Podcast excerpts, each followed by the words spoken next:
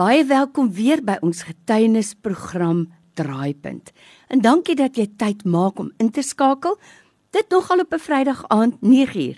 Maar daar's ook 'n herhaling op 'n Sondagmiddag 06:30. As jy getuienis het, moet asseblief nie nalat om vir my te laat weet nie. Jy kan 'n SMS stuur na 32716. Dit kos vir jou R1 net met die woord draaipunt.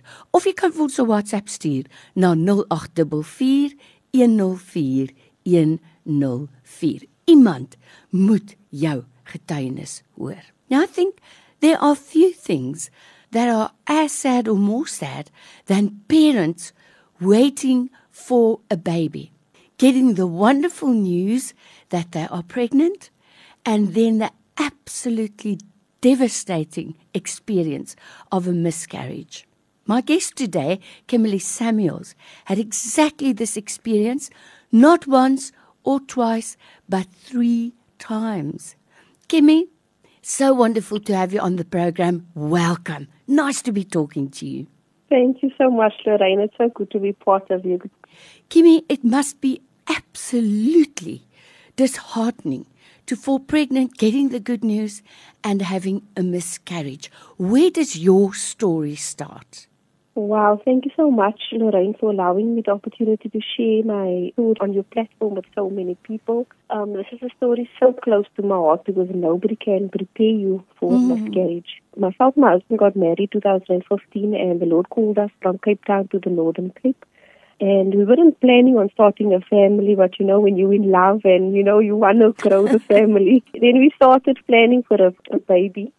And then uh, I think it was 2016, we got the exciting news the February month, that uh, early February month about the eight that we are expecting. And you know, you're so excited. Um, you want to tell everybody, and we just we just told everybody that we can think of. And um, I think it was about two weeks after that, when I was about six weeks pregnant, that we experienced our first miscarriage. And it was such a devastating experience because you know, everything just didn't make sense to me. Aww. You know, I, I served the Lord from a young age, and you think you're doing everything right. You know, um, we were even even called into ministry, so we were in ministry as well. So I remember laying on the hospital bed, and as I turned, I husband went to go fetch my medication. As I turned myself, as I was in pain, I just felt the whole experience of when Jesus was hanging on the cross. Oh wow! And he said, "Father, Father, why have you forsaken me? Mm. You know, I, I didn't even have the words to say it, but my whole spirit was, was crying that out. And we came home and, and we went through procedures where they had to take the baby out and, you know, all the painful hmm. procedures. Mm. And eventually we got home and um, husband was home for about two days and then he went to work and things really got real because it was just between me and the Lord. I was at home and I told the Lord, what do I do with this, Lord? I don't have words to express enough, but I don't know how to pray. I don't know what to say or do. And I told the Lord that day, I will, I will never forget it. I was sitting in bed and I told the Lord, I'm not going to get up. I'm not going to eat. I'm not going to wash. I'm going to do nothing until He just gives me something to hold on to. And the only word that the Lord gave me was, go tell them. And I told the Lord, go tell them, go tell them what? I'm I'm hurting, I'm in pain, and what what do I say? Go tell them what? And later that day, a lady called me and she asked me to come pray for her, and then I went and the story that the lady was sharing with me, I felt such a compassion towards the story that she was telling me that she experienced a miscarriage when she was younger. Wow. And I told the Lord, what is oh. going on, Lord? Wow. You know, are you using my story for your glory? What is going on?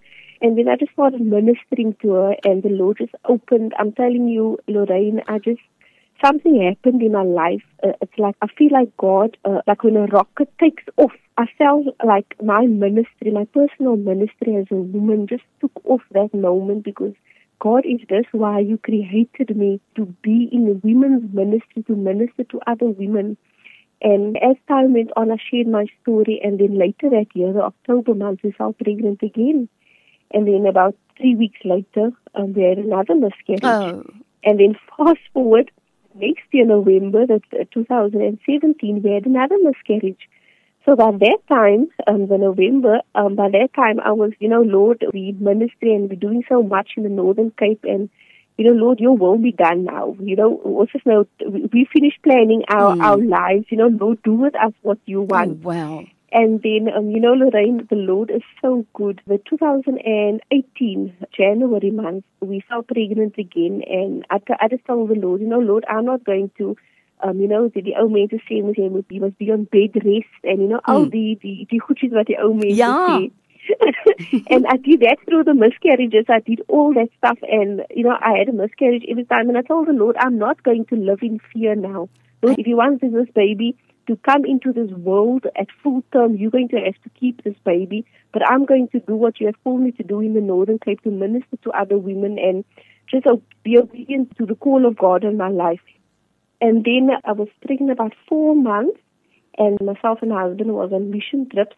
And if you know, when a, a woman that is pregnant starts to bleed, then it's mm. normally a sign of either miscarriage or there's an alarm. And both times I told the Lord, Lord, we are busy with your work here. I refuse a miscarriage in Amen. the name of Jesus, but Lord, you have your perfect will. I told my husband, and he, we both said we're not going to worry about going to a doctor. We're going to finish our mission here with what the Lord is busy doing and we know the Lord is going to see to the to, to the baby. And uh, my my daughter, she's about to turn four. That that oh, uh, praise God. I'm telling you, Lorraine, God has been just so good. He has blessed us with three healthy little children. Three oh. times He has given given He has given us hundred fold back to us. And I have grown as a young woman, and I want to encourage women, wives, that it's only the Lord that can give and it's only the Lord that can take. But we really just need to put our, our future, our, our desires in His hand. Because the Bible says that we plan the way, but the Lord's will eventually has its place in our lives. So sometimes we want things to happen a certain way or a certain time, but the Lord, if we give our lives to Him, then it means laying down our wants, our needs, our desires, and ultimately just letting him have his way. So I just hope my testimony encourages somebody out there today. I'm speaking to Kimmy Samuels. They are in full time ministry. She suffered three devastating miscarriages, but God has blessed them with three healthy babies. While I was listening to you, I actually got so excited because you stayed in God's will. He sees the end from the beginning. So God knew exactly where He wanted to use you. And I'm so thankful for the Lord that you can minister to women going through the same thing. It's it's difficult for me to put myself into your position to mm. know the pain that you're suffering. But imagine if you can encourage a lady who is going to a miscarriage. It means so much more because you mm. know exactly what they're going through. Mm. And Kimmy, I believe you also wrote a book. Just tell us about that quickly and where we can get hold of the book. Yes, uh, thank you so much, uh, Lorraine. I wrote a book, God Can. I've been having a desire to write a book on the miscarriages, but I don't know where to start. And the only words that comes to me is God can, because when you go through the miscarriages, you actually feel, you know, Lord, I'm doing and what am I doing wrong? Mm-hmm. But it's only God that can make it happen. And uh, the book's name is God Can. And I just share my journey in detail. It's a book very close to my heart.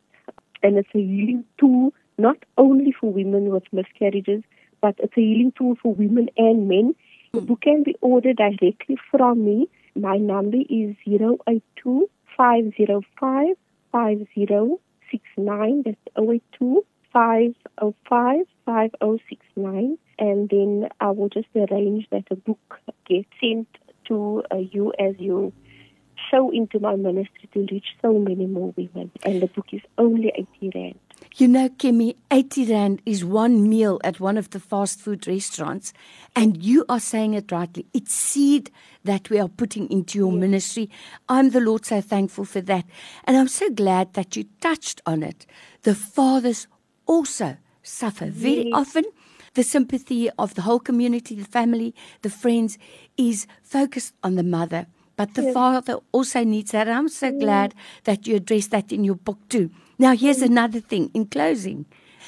The prophetic word that went out for you for your life was go tell. And that's what you're doing today. That's what you are doing through your book.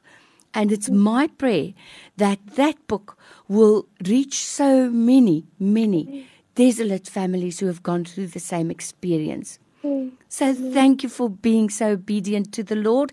Kimmy Samuels today for your time. We truly appreciate it. Thank you. Thank you. Thank you. Thank you so much, Lorraine, for allowing me this opportunity. And I hope and I know somebody was blessed through the session. Thank you. Amen.